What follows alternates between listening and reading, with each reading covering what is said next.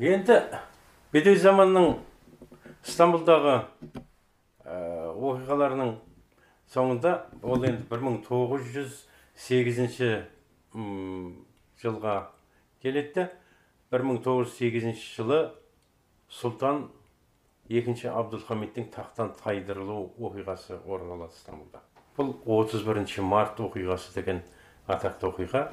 1908 жылдың 31 марты күні сұлтан абдулхамид тақтан тайдырылады бұған себеп болған бір партия бар олардың айтуы бойынша диктатуралық яғни монархиялық билік емес парламенттік билік болсын патша тақтан кетсін парламент басқарсын деген бір саяси көзқарасты алға тартады ал патшалық билік сұлтан билік тұра берсін патшалық билік бола берсін деген монархиялық билікті қолдайтын екінші топ әрине бар. Осы үлкен екі топ тіпті қарулы қақтығысқа дейін барады. Бедеу заманның бұл жердегі де қатты рөлі бар. Осындай үлкен төңкеріс қақтығысқа қанды қақтығыстарға айналып кетпеу үшін бітімгершілік миссиясын да орындайды өзінің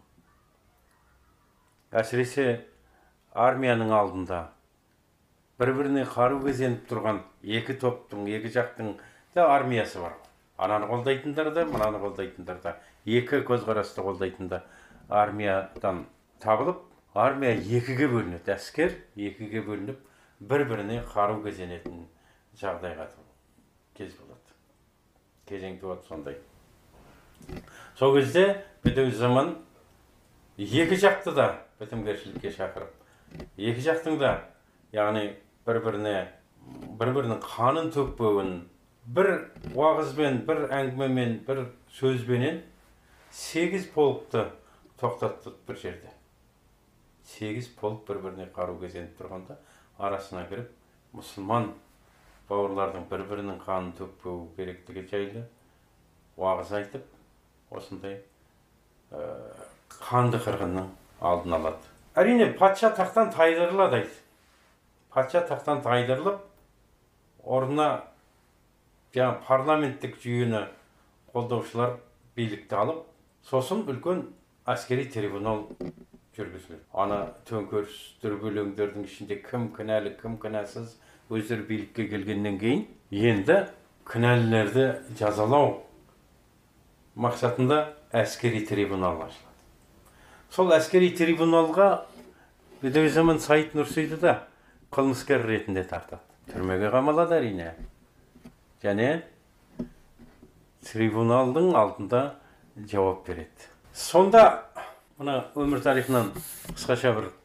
ә, жерді оқып өтейік бедеу заманның жаңа трибуналдың алдында шығып сөйлеген сөзінде былай дейді. Рас мен қылмыскермін.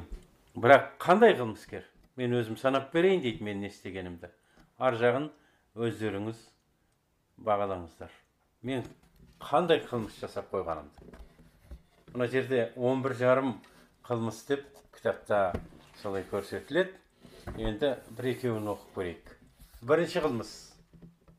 Былтыр парламенттік басқару жүйесі орнаған кезде министрлік арқылы шығыстағы руларға елу алпыс телеграмма жібердім. Мағынасы былай еді.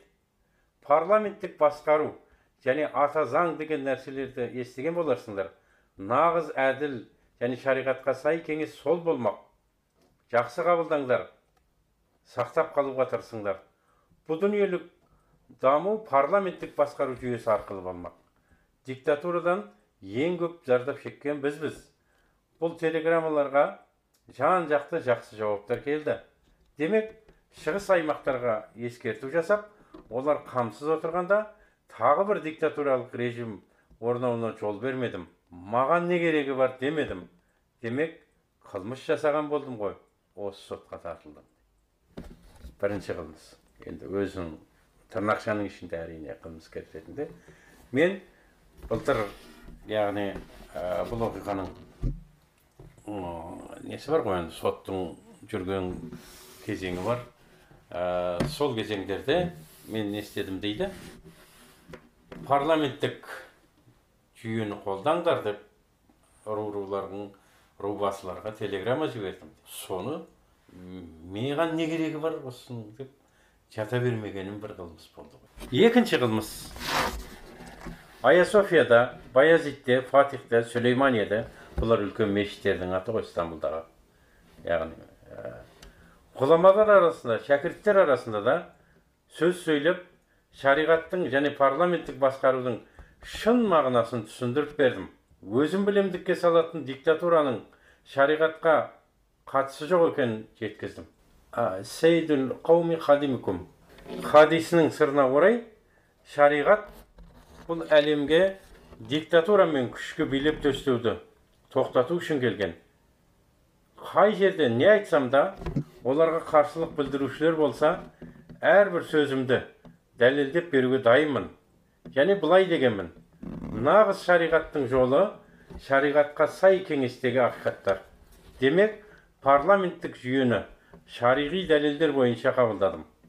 Басқа парламентшілдер сияқты біреуге еріп шариғатқа қарсы деп ойламадым шариғатты оның жолында құрбан етпедім шамамның келгенінше ғұламалар мен шариғатты ғұламалар мен шариғатты европаның бұзық ойларынан құтқаруға тырыстым демек қылмыс жасаған болдым осындай жағдайға тап болдым яғни қылмысының түрі осы өзі ақшаның ішінде қылмыс қой әрине енді осы оқиғалардан кейін бедерзаман саид нұрси ақталып шығады. Осы трибуналдан ақталып шығады. Өзінің не істегенін және оны қандай мақсатта істегенін барын ақтау сөздерінде өзін өзі сотта ақтап шығады.